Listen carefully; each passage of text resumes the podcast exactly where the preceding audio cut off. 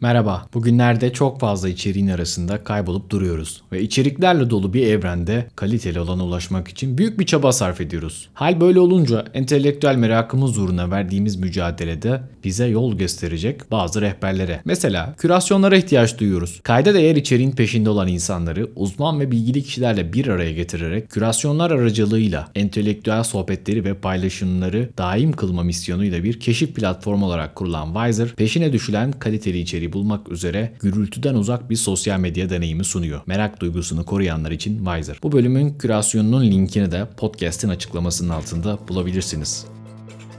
Merhaba herkese. Cengiz ben. Duvarın ardına hoş geldiniz. Bugün yanımda doçent doktor Gamze Erzin var. Gamze hoş geldin. Hoş bulduk. Gamze ile beraber Türk dizilerine bir bakacağız. Oradaki psikiyatristlere, hastalara ve bu ikisinin ilişkisine, terapi sahnelerine, neden diziler bu kadar popüler oldu. Aslında biz bir buçuk yıl önce Gamze ile böyle bir edebiyat üzerine konuşmuştuk. Ondan sonra başımıza gelmeyen kalmadı. Gamze de böyle bir Hollanda seyahati yaptı. Sonra da doçent olarak geri geldi. Önce tebrik ederim seni. Teşekkür ederim. Doçent değil mi? Hayatımızda değişmeyen şey kalmadı Evet. ama Peki kahvaltıda mesela jambon yemeye başladın mı doçent olduktan sonra? yok ama yani onun dışındaki kahvaltı dışındaki birçok şey hemen hemen her şey değişti diyebilirim hayatımda. Kahvaltıdan değişmeye başlar diye düşündüm ama Hollanda'ya gittin değil mi? Evet Hollanda'ya gittim. Bir 9-10 ay oradaydım. Peki sen Hollanda'dayken değil mi yazıyı yazdın?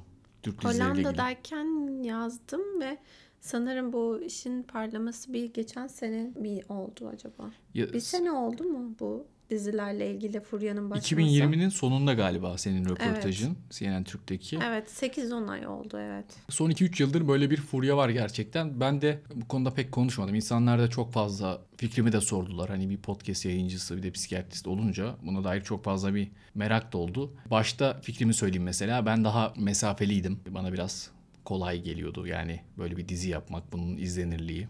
Hala öyle düşünüyorum da o kadar böyle mesafeli değilim. Yani insanlar, izleyen insanlara büyük bir tepki göstermiyorum. Başta böyle niye izlersiniz gibi böyle bir şey. Herhalde o diziyi niye izlersiniz gibi bir şeydi. Sonradan böyle fikrine güvendiğim büyük hocaların da izlediğini gördüm. Hatta bayağı çocuk psikiyatrisi rotasyonunda fark ettim. Onların böyle en hocaları yani en hoca hocası. Her süpervizyon saatinde Masumlar Apartmanı'nın son bölümünü psikanalitik açıdan masaya yatırıp ne kadar güzel yapıldığını, o karakterde işte şu savunma mekanizması ne kadar güzel gösterildiği gibi şeyler söyleyince ben de bir bildiği vardır dedim. İzlemedim gerçi hala Masumlar Apartmanı'nı. Yani birkaç bölüm bir şeyler gördüm ama o şeylerim gitti. Şimdi sana sorayım yani bir bu genel bakış nedir yani Türk dizilerine ve işte bu psikiyatri, psikoterapi, psikoloğa gitme gibi sahnelere bakış nasıl sence? Yani aslında bu furya sanırım 4-5 yıl önce In dizisiyle başladı. Hani ondan önce tabii ki vardı bu tür diziler ama dizinin hani tutmasıyla başladı. Ama sonrasında hani Masumlar Apartmanı'yla diğerleri aslında biraz farklı. Yani Masumlar Apartmanı'nda hani karakterler var ve bir gerçek hayat hikayesinden yola çıkarak bir şeyler anlatılmaya çalışıyordu. Ama terapi seanslarının olduğu var. Mesela Kırmızı Oda. Onu da apayrı ele almak gerekiyor. Yani bir masumlar apartmanını psikiyatristin ya da çocuk psikiyatristin ele alıp o konudaki o karakterleri anlatmasını anlıyorum. E, hak veriyorum. Bu güzel bir şey. Biz hani biliyorsun bunu kitaplardan da yapıyoruz. Ya da işte başka filmlerdeki karakterlerden de yapıyoruz. Ama sanırım psikiyatristlerin daha çok itirazı Kırmızı Oda'ya oldu. Ne dersin bu konuda? Evet herhalde Kırmızı Oda'ya itiraz büyük yani. Aslında yönetmen, senarist istediğini yazar, istediğini çeker. Yani Hı hı. Hatta daha da ileri gö- götüreyim mesela. İsterse terapist hastasıyla yatabilir filmde, dizide. Yani o adamın hayal dünyası. Evet. Biz ona bir şey diyemeyiz. Evet. Yani sadece sanırım buradaki şey Yazarın psikiyatrist olması sıkıntı olabilir Evet. işte. Yani o herhalde. Evet yani hani o insanlarda bir korku uyandırıyor. Yoksa şey değil. Dediğin çok doğru, çok haklısın. İnsanlar isterse psikiyatristi bir uzaylı olarak ele alabilir, istediğini yap- yaptırabilir. Sonuçta bu hayal gücüyle alakalı ve bu bir sanat. Ama işte oradaki şey herhalde bir insanlarda korku uyandıran şey gerçekten terapi seansları böyle mi yapılıyor gibi. Bir doktor bey söylemişti işte kırmızı oda gibi bir odanız yoksa gelmeyeceğim Arif diye diyen bir Aynen. Ben hastası panda olmuş. mıyım sarılayım. Ben oradaki korkuyu şöyle düşünüyorum. Yani acaba hani insanlar yanlış anlar mıdan da ziyade bir psikiyatristlerin bir korkusu oldu. Yani ben eleştirileceğim. işte yaptığım şey doğru mu yanlış mı kritik edileceğim diye. Ama bana çok sorun oldu. Şunu sordular mesela yani psikiyatriste gitmem gerektiğini söylüyorsunuz ama çevremden. Ama işte psikiyatrist bana böyle mi davranacak? Ya da işte Bir Başkadır dizisindeki gibi psikiyatrist benim anlattıklarımı gidip başka biriyle paylaşacak mı? Hani ben o zaman psikiyatriste gitmeyeyim, ben o zaman terapiye gitmeyeyim diyen çok insan oldu örneğin. Daha çok terapiye ısındırdığını söylüyorlardı ama böyle korkular da yarattı aslında. Tabii ki. Bu mantıkla bakınca aslında izlenilen filmlerden, dizilerden bir mana çıkarmaya kalksak hayatımız herhalde eskisi gibi gitmezdi. Belki başta onu söylemek lazım. Yani buradaki terapi seansları gerçekle uyuşmamaktadır gibi. Hani diyoruz ya buradaki kişiler hayal ürünüdür gibi. Belki psikiyatride ek olarak bunu söylemelerini istememiz lazım. Orada şöyle bir çıkmaz var. Şimdi çok sıkıştırınca işte bu Gülseren Budayıcıoğlu ve ekibini bunlar işte hayal ürünüdür, kurmacadır gibi bir şey diyorlar. Ama bu, bu da reytingi düşüren bir şey. Çünkü biz gerçeği istiyoruz yani. Gerçekten olmuş olması bizi daha da heyecanlandırıyor. O zaman Gerçeğe yakın olsun, bize uzak olsun gibi. ama şey diyorlar işte bunlar gerçek yaşam hikayeleridir evet. diyor. Öyle deyince de bunun şey tarafı kalmıyor yani böyle ne- nereden tutacaksın? E, gerçek diyorsun. E, Üstüne gidince ya işte hayal ürün diyorsun. Bence yani ben şu konuda okeyim. Yani hiçbir yönetmenin, oyuncunun, işte senaristin şöyle bir sorumluluğu yok yani. Bir psikiyatrist nasıl davranırsa ben öyle davranmalıyım diye bir sorumluluğu yok.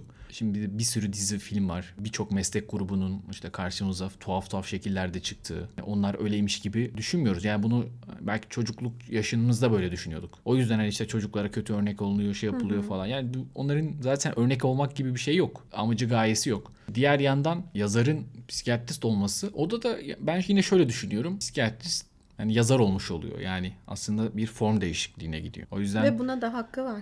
e, Evet buna hakkı var. E, Ha işte bu kendi gördüğü hastalarından şeyden diyorsak aslında yani yönetmen de senarist de zaten hayatta yaşadığı hikayeleri anlatmıyor mu? Yani evet ama bir şekilde şöyle bir şey oluyor. Yani İnsanlar mesela dizilerde bir ameliyat sahnesini izlerken bu kadar pür dikkat kesilmiyorlar. Böyle mi olacak, şöyle mi olacak demiyorlar. Biliyorlar ki bu bir dizi. Ama e, psikiyatriyle ilgili bir konuya gelince, terapi seansıyla ilgili bir konuya gelince "Hmm, acaba nasıl davranacak? Hani daha bilinmezlikli bir alan. Sana bunun nedenini söyleyeyim mi? Şimdi sen deyince aklıma geldi. Bir kere yapımcılar, yönetmenler, kanallar neden bu dizileri tercih ediyor? Çünkü şimdi Türkiye'de özellikle dizi süreleri çok uzadı. Prime time bir tane diziyle geçiliyor. 140 dakika çekim. 140 dakikayı çekmen için senin e, çok büyük bir emeğe ekip çalışmasına çok fazla mekana ihtiyacın var ve çok masraflı bir şey bu ve kesinlikle bir taahhütün var yani o dizi her hafta yayına girecek. O yüzden zaman ve mekanla ilgili çok büyük bir hani böyle endişesi var insanların. Terapi seanslarının ağırlıkta olduğu diziler. Aslında Masumlar Apartmanı için de farklı açıdan geçerli bu. Genelde tek mekan diziler. Yani en azından e, dizinin büyük bir kısmı bir, bir mekanda geçiyor. Ve yine diğer taraftan uzun uzun sahneler hani psikoterapide o beklemeler, yavaş konuşmalar, hikayenin böyle tane tane anlatılması. Normal dizilerde işte ne bileyim o ameliyat olduğunda mesela adamlar 8-10 saat ameliyatı göstermiyorlar. 2 dakika ameliyatı gösteriyorlar gidiyor falan. Yani zaman da yavaşlıyor dizilerde ve terapinin o gerçekten bizim bildiğimiz zaman algısına çok yakın bir şeye geliyor. Yani o bence inandırıcılığı çok arttırıyor. Yani insanlar gerçekten e, zaman ve mekan açısından çok kolay oranın içine giriyor. Bu da zaten adamların en istediği şey. Yani tek mekanda dizi çekeceğim. Yani terapist ve danışan. Çok fazla yan karaktere de gerek yok. İşte belki flashbacklerle falan oradan bir şeyler sokacağım. Her flashback'te de işte birkaç oyuncuyu dışarıdan oldukça getireceğim. Kastı da çok şey kurmam gerekmiyor o anda. Bence yani yapımcılar bunu keşfetti ve şey kafasındalar. Abi neredeydi bu olay yani biz bunu Evet. niye bugüne kadar keşfedemedik? Şunu söyleyeceğim özellikle hani araştırırken okurken de mesela sinema ve psikiyatri ile ilgili kitap da var ya işte Gabard'ın kitabı var. Çok fazla makale var ve hani mesela sinema filmlerinde bu hastalıklar daha işte egzantrik hastalıklar, nadir görülen ya da böyle çarpıcı hikayelerin olduğu ama tek filmde işte bütün hikayenin düğümün çözüldüğü ya hastalıkla çözüldü düğüm ya da işte hasta karakterin tuhaf şeyler yapmasıyla. Ama böyle psikoterapi sahneleri çok uzun uzun olmuyor. Çünkü filmin süresi belli. Ama dizilerin böyle bir zamanla ilgili kestirme bir yolu oldu. O yüzden biz çok fazla gerçek zamana çok yakın bir algı yaratan bir psikoterapi sahneleri görüyoruz. Hani bunlar da hem inandırıcılığı arttırıyor hem de kanalların, yapımcının elini güçlendiriyor. Bence mesela en büyük popülerliği sağlayan şey dizilerin uzaması ve maliyetin düşürülme çabası. Aslında insanların ekstra böyle e, heveslenmelerinden bile bence bunlar önde geliyor. Yani evet haklısın ama bir yandan şöyle bir yan etkisi de oldu. İnsanlar eskiden mesela şey diye sormuyorlardı. Bir şey anlatacakları zaman birazcık çekiniyorlardı falan ama benim poliklinikte fark ettiğim şimdi ise bir şey anlatacağım ama emin değilim deniyor. Hani ve ben onun güvencesini vermek durumunda kalıyorum. Burada anlatılanlar burada kalacak güvencesini hani vermek durumunda kalıyorum. Biraz ama bununla ilgili işte o hayatların çok ya da terapi odasının bu kadar dışarı yansımasının böyle bir sanırım şeyi oldu. Bir güvensizliği oldu terapistlere karşı. Onların problemi değil herhalde. Yani Kurtlar Vadisi izleyip mafya olan bir çocuk gibi. Ama işte bence şöyle bir şey. Orada da şey var ya işte belli bir yaş altı çocuklar etkilenmesin diye izlememeleri gerek gibi. Hani burada da mesela belli bir uyarıların yapılması sadece. Öyle bir şey var Çok mı? Ben başında falan var mı? Ruhsal hastalığı olanlar izlemesin gibi. Yok. Mesela şeyler var ya bazı işte konsol oyunlarında, bilgisayar oyunlarında epilepsi hastaları için uygun değildir diyor. Nöbet geçirebilir. Aslında ama olabilir ya. Yani şunu düşünüyorum. Bir Masumlar Apartmanı'nı izleyen obsesif kompulsif bozukluk depresyona girebilir mi diye düşünüyorum. Çünkü mesela orada Ezgi Mola'nın karakteri biliyorsun obsesif kompulsif bozukluğu ve ailenin birçok sıkıntısı onun OKB'sinden kaynaklanıyor. Ve bu da mesela onu görüp şey diye düşünebilir. Ya işte benim de aileme böyle zorluklarım oluyor gibi. Hani depresyon riskini arttırabilir gerçekten. Şimdi düşününce. Yani arttırabilir diyorsun ben doğrudan böyle hastalar gördüm. Zaten bazı hastalar şöyle başlıyor hikayeye. Kırmızı Oda'daki şu bölümdeki hasta gibiyim hocam diyor. Onun hikayesi gibi benim hikayem falan diyor. Ben hani anlayamadım diyorum. Neyse anlatıyor falan yani şeyi de söylüyor işte onunkine benziyor. Onunla beraber ağlıyorum. Onunla beraber şey oluyorum. Bunun da şeyi var galiba parasosyal etkileşim mi ne? Ona da baktım parasosyal etkileşim yani medyadaki o karakterle çok çabuk bir şekilde etkileşim kurmak yani özdeşim kurmak gibi. Mesela o hastaya şunu dedim yani izleme. Gerçekten izleme dedim yani çünkü bunu tedavi amaçlı dedim. Yani dizi iyidir kötüdür değil. O hasta için izlemek iyi değildi. Bazı hastalar için bu oluyor gerçekten. Hani bir de bilmediklerimiz, kliniğe gelmeyenler varsa böyle bir etkisi oluyordur. İşte burada Ne kadar bu insanları koruyabiliriz gibi. işte bize mi düşer yani korumak Evet. yani biz tekrar uyarmalıyız, şey yapmalıyız. Ya aslında evet. Bu, da öyle bir iş ki mesela hani gündüz programına gidiyor insanlar. Bazı işte tartışmalı, spekülatif şeyler. Çünkü onlar belki daha çok ilgi çekiyor. Sonra yine bize kalıyor düzeltmek. Hani bundan da gocunmamalıyız herhalde. Aslında belki dernekler hani bunun için var. Ya ama şöyle bir şey var ya hani daha çok mesela risk faktörlerinde işte değiştirebileceklerimize bakıyoruz. işte ya da düzeltebileceklerimize bakıyoruz. Biz de aslında onu konuşuyoruz şu anda. Hangi kısımları değiştirebiliriz? Diyoruz ki dizilerin önüne böyle bir uyarı konması bazılarını koruyabilir. Ya da işte şu şu şu durumda olan hastalar dizideki şey bu hastalar için hayal ürünüdür gibi. Hani bu tür aslında yoksa tabii ki böyle böyle omnipotansla her şeyi korumak gibi falan bir amacımız yok ama en azından değiştirebileceğimiz, en azından düzeltebileceğimiz kısmına bakmak işe yarayabilir diye düşünüyorum. Yani en azından o kadar da çünkü nasıl işte pandemi etkiliyor birçok şey kapanıyor. Şu etkiliyor birçok şey kapanıyor. Zaten hayatta çok fazla değiştiremeyeceğimiz şey var. Umudu sağlayabileceğimiz şeyler de, umudu devam ettirebileceğimiz şeyler de hani değişiklik sağlayabileceğimiz şeyler. O yüzden daha böyle kontrol etmeliyiz gibi değil de değiştirebileceklerimize odaklanmalıyız gibi geliyor bana. Hani bazı dizilerde söylediğin gibi işte tamamıyla o seansa odaklanıyor ve işte o seanstaki anlatılanlar vesaire üzerinden gidiyor. Bazı diziler bunu çok fazla sıkıcı olmayı göze alarak çok daha gerçekçi ele alıyor. Ama mesela işte biz herhalde dizilerden bunu beklemek, belki biz psikiyatrist olarak bunları terapiyi daha çok anlatsak, dizilerden beklemesek bunu belki de bu şey olacak yani. Mesela işte beyaz reçete ilaç bağımlılık yapmaz. İşte Bu bunu sor, konuda sorana mı çok- söylemek lazım, sorulmadan mı anlatmak lazım? Yani sorana cevap vermek lazım. Cevap yani sorulmamış soruları cevaplayınca bana şey gibi geliyor. Burada bir şey var herhalde. Yani muhtemelen insanlar da böyle düşünüyor. Yani durduk yere hani bayram deli seyran deli enişten beni niye öptü gibi. Ben biraz böyle şeyim yani. Niye bu kadar üstüne gidiyoruz ki insanlar? Yani mesela şey de garip geliyor işte internetten okuduklarınıza inanmayın. Ya inanırsa inansın. Biz niye böyle hani bu tarz şeylere ayar vermemiz gereken bir gruptayız ki yani şeylerde var mı bu mimarlar odasında internette gördüğünüz Fransız balkonlarına inanmayın. Fransız balkonu deyince bazı sektörlerde var gerçekten. Ama şundan değil bu. Şunu demekte bir sakınca yok bence işte evinizi şu tuğlayla örerseniz şöyle olur bununla örerseniz böyle E, diyorlar olur. işte yalıtım sistemi kullanın bilmem ne. Ama Evet, çünkü deniyor. para kazanıyor ondan. deniyor. Yani ama şunda da bizim de işimizi kolaylaştıran bir şey. Yani sonuçta hani bu primer koruma gibi düşün. Ne zaman başvuracağını bilen sonuçta 5 yıldır anksiyete yaşayan bir insanı mı tedavi etmek kolay? Bir yıldır yaşayan. Sonuçta 8-5 çalışıyoruz. Yani ne kadar azaltırsan azalt. Full çalışacaksın. Hayır. Yani.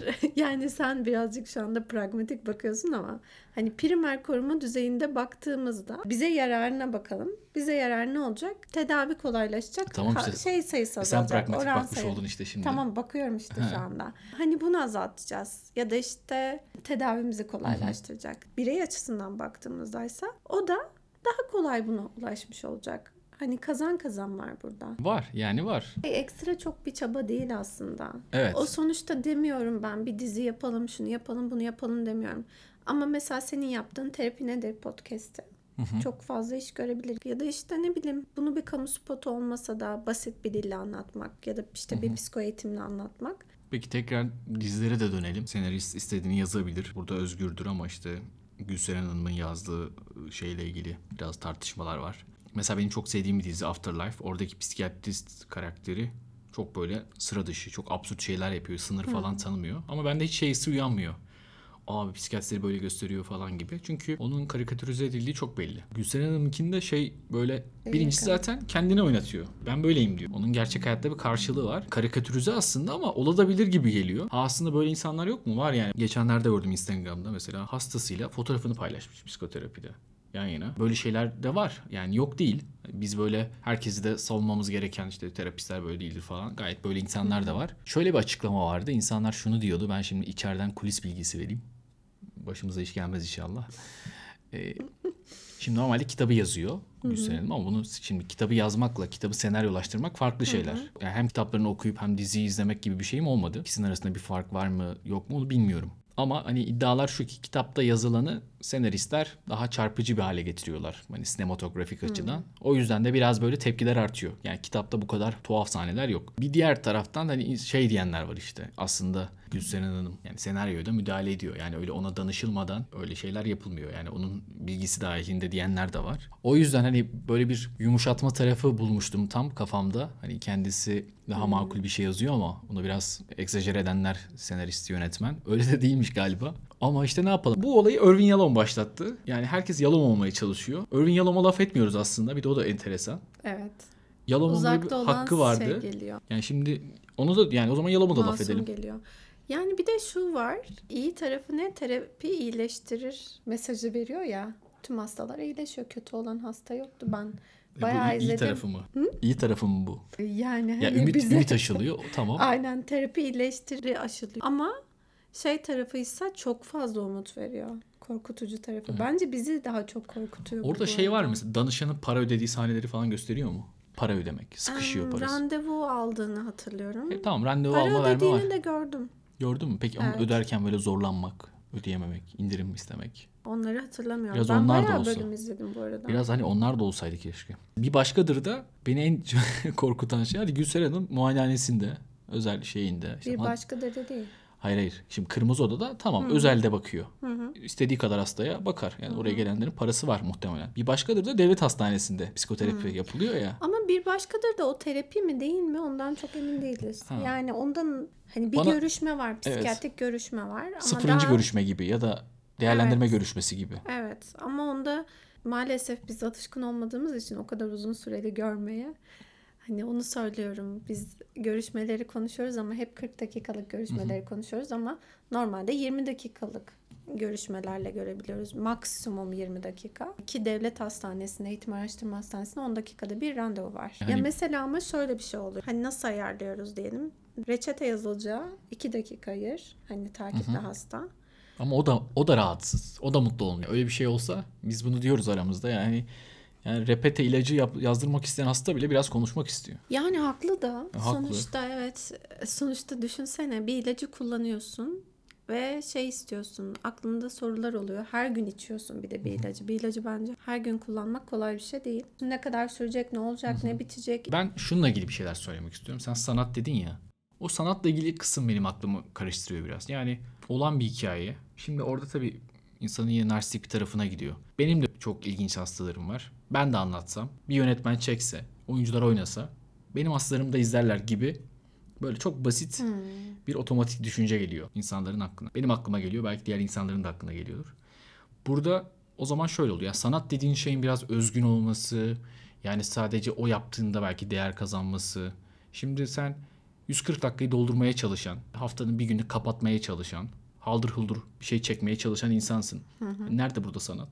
Sanat böyle bir şey mi? Sanatçıları görüp onların iyi film çekmesini de engellemesini de ekleyelim bence. Ben bilmiyorum yani. Bu zaten olan hikayeleri anlatmak, olan Bu hikayeleri bir yazmak. pazarlama evet. Bu bir Yok gerçekten. aracı. Hayır belki de şöyle şöyle itiraz edebilirsin bana. Ben hani bunu böyle çok dümdüz söyledim. Yani belki de gerçekten o kalem öyle bir yazılıyor ki işte öyle detaylar işleniyor ki, Ama ekleniyor işte ki. sanat her zaman bu kadar şey olmak zorunda mı ki? İşte kusursuz, iyi, iş, iyi işlenmiş. Zor. Bana göre zor olması gerekiyormuş gibi yani. Bu basit geliyor. Belki de basit Belki değil. de onun için zor, sana basit geliyor. O mesela günlerini harcıyor, yıllarını Ya, harcıyor. Zaten yılları harcanmış. Hani ona bir şey demiyorum. Ya harcanan Ama yıllar işte var emek da. de çok göreceli, sanat da çok göreceli. Ben hani sanat olarak dememin sebebi hani bir üretim var diye. Yoksa her üretime sanat dersek diye. Yoksa bana göre Ha, bir- sanat Bir bambaşka. üretim var. Bence de bir üretim var. Ama bir yaratım var mı ondan emin değilim. Üretim var yani işte üretiyorsun yani. Şimdi bir sürü dizi çekiliyor. Yani işte sen çal kapımı falan filan. Mesela şimdi adını yani başımıza iş gelmesin de. Yani yaratımla Kesin bu podcast'ten sonra gelecek. Hayır canım, yani yaratımla üretim aynı şey mi? Bak hep benim aynı şey geliyor. Bu sene de tartıştık ya hani her şiir yazan şair midir? evet. Her resim yapan ressam mıdır? Şimdi sinema gerçekten artık hani sanat şeyi altına alınabilecek bir forma erişti. Yani sinemada çünkü gerçekten tarihi değiştiren işte sinema filmleri var. Kitleleri harekete geçiren, savaşlarla ilgili, katliamlarla ilgili, psikolojiyle ilgili çok fazla film var ve bunların hani sanatsal bir tarafının ben olduğuna inanıyorum bazılarının en azından. Ben tekrar şöyle düşündüm. Yani ben her düşüncemin arkasından böyle bir kontra geliştiriyorum kafamda. Böyle bir diyalektik kurmayı yavaş yavaş öğrendim. Eskiden daha katı düşünüyordum gerçekten belki podcast'le de alakalı yani. Çünkü ne der, ne dersen de insanlar sana bir şeyler diyor ya tersine artık onların yerine de düşünebiliyorsun. Sinema özellikle 1900'lü yıllardan itibaren işte ortaya çıkan ve çok daha böyle geçmişi uzun. Dizi sektörü o kadar geçmişi sinema kadar uzun değil. Sinemanın da 100 yıllık falan herhalde. İşte Çok yani- uzun değil. Yani ya aralarında bir hani bir şey var ya belki 40-50 yıllık bir şey var yani. Evet. Hani televizyonun icadıyla herhalde diziler ortaya çıkmaya başladı. O yüzden belki biraz daha zaman geçtiğinde bazı dizileri biz diyeceğiz ki evet ya bu bir şaheserdi bu bir işte Bazı sanat eseri gibiydi. diyoruz zaten yani hani. E ne diyoruz mesela? Ekmek teknesine mi? Yani mesela işte şeyle başlayan Furya'da biliyorsun Leyla ile Mecnun'la başlayan Furya'da o çok iyiydi. Benim Netflix'te izleyip Queen's Gambit çok iyiydi. Bazı diziler gerçekten hani her bölümüyle çarpıcı oluyor ama onlar bence her bölümüne ayrı ayrı çalışıyorlar işte. Bu bölümde vermezsek diğerinde veririz gibi bir yaklaşımları olmuyor. Onlar her birine bir özen gösteriyor muhtemelen. Afterlife güzel dizi. Hani her dizide de bu kadar şey yok aslında. Ben de şimdi kendi dediğimi bu arada ne yok? Bu çürütüyorum. Her dizide. Her dizide de mesela işte bu sanat değildir demeye gerek yok. Mesela hani aa bunun süresi uzun o zaman bu işte Hayır şöyle adamlar da diyebilir ki kardeşim ben hani öyle şeyler var ya mesela Sana ne, Sherlock Holmes. Ben böyle Hayır hayır mesela Sherlock Holmes her bir bölümü sinema filmi gibi. Tek bölüm işte bir sezonda üç bölüm var falan. Yani adam zaten artık e, hani şey oldu ya yani vizyona bile girmeden platforma giriyorlar. Yani bu pandemide de oldu birkaç film. Hatta artık benim tahminim yani tek başına sinema filmi olacak projeleri dizi gibi yapıyorlar. Mini dizi gibi parçalıyorlar. Daha fazla şey bölüyorlar. Şimdi iyice zorlaştı yani ne dizidir ne işte ne sinemadır ya da sinema filmleri dizi gibi çıkıyor. İşte Recep İvedik 1 2 4 5 6 7 hani da dizi gibi çekiliyor. Yani arka arkaya bir sürü sinema filmi için bunu söylenebilir. Biraz o ikisinin arasında böyle geçiş şeyler oluştu. Yani ya da böyle çok kaliteli 3 bölümlük tek sezonluk diziler 4 bölüm işte bir başka da 8 bölüm. Bilmiyorum devam edecek mi o? Yani ikinci sezon çıkacağı söylendi ama henüz çıkmadı. Çıkabilir diye düşünüyorum. Peki biraz toparlayalım. Şimdi ben kolaylık üzerinden onun üzerine konuşuyorduk. Yani mesela şey de çok sıkıcı olmaz mı? İlla güneş işte ben bir tane bir film vardı ismi Rrr olabilir filmin. Neyi? Rrr. Ya evet. Ondan sonra o filmde şöyle bir şeydi. Güneş başka zamanda doğuyor. İnsanlar işte başka tepki veriyorlar. İlk cinayet o filmde oluyor falan böyle. Bayağı mağara dönemini anlatan bir filmde.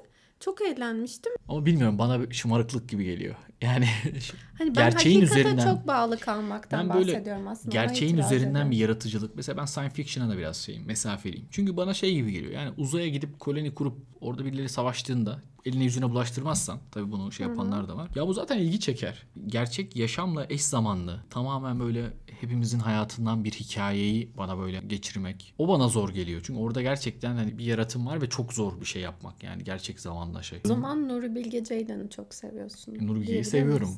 Tam Nuri Bilge'yi seviyorum. O zor bir şey işte gerçekten. Onun Evet. yaptığı çok zor bir şey. Ben seviyorum. Öteki türlü yani uzaylılar dünyayı ele geçirmiş işte ya da evine işte temizliğe giden kadın evin sahibine aşık olmuş. O onun terapistinin terapistiyle bilmem şey olmuş. Yani bunu herkes izler ki. Niye izlemesin ki? Yani beni de o Bir Başkadır dizisindeki o kadar aşırı tesadüf çok yormuştu. yani bu da olmasın. Yani çünkü biri de çıkıp demedi mi yani izleyip 30 milyon İstanbul. Evet bu kadar da tesadüf olmaz. Bence bunu birazcık eksiltin ya da şunu şöyle yapın diye demediler mi yani? Hani bazı biliyorsun şey yapıyorlar. Bir başkadırım var mıydı acaba psikiyatrist? Yoktu. Ama şeyde var mesela. Danışman mı? Danışman yoktu. Ya da- Bazı filmlerde var. ama danışmanın olmasının bence bir gerekliliği yok. Gerekliliği yok ama şöyle bir şey yani dostça bir yaklaşım aslında. Ben okuyorum mesela bazı arkadaşlarımın senaryolarını. Şimdi bak bu arada o popüler. Mesela bana da senaryo yazan bir arkadaşım. Mesela şöyle sipariş usulü danışıyor. Abi bir hastam olacak. Bir dönem hastaneye yatacak ama sonra hastaneye yat, şey yapacak. Sonra diyor ki ya bunun maliyeti çok olur. Hastaneye yatırılmayacak. ama şöyle özellikleri olacak. Bir hastalık şey yap falan böyle.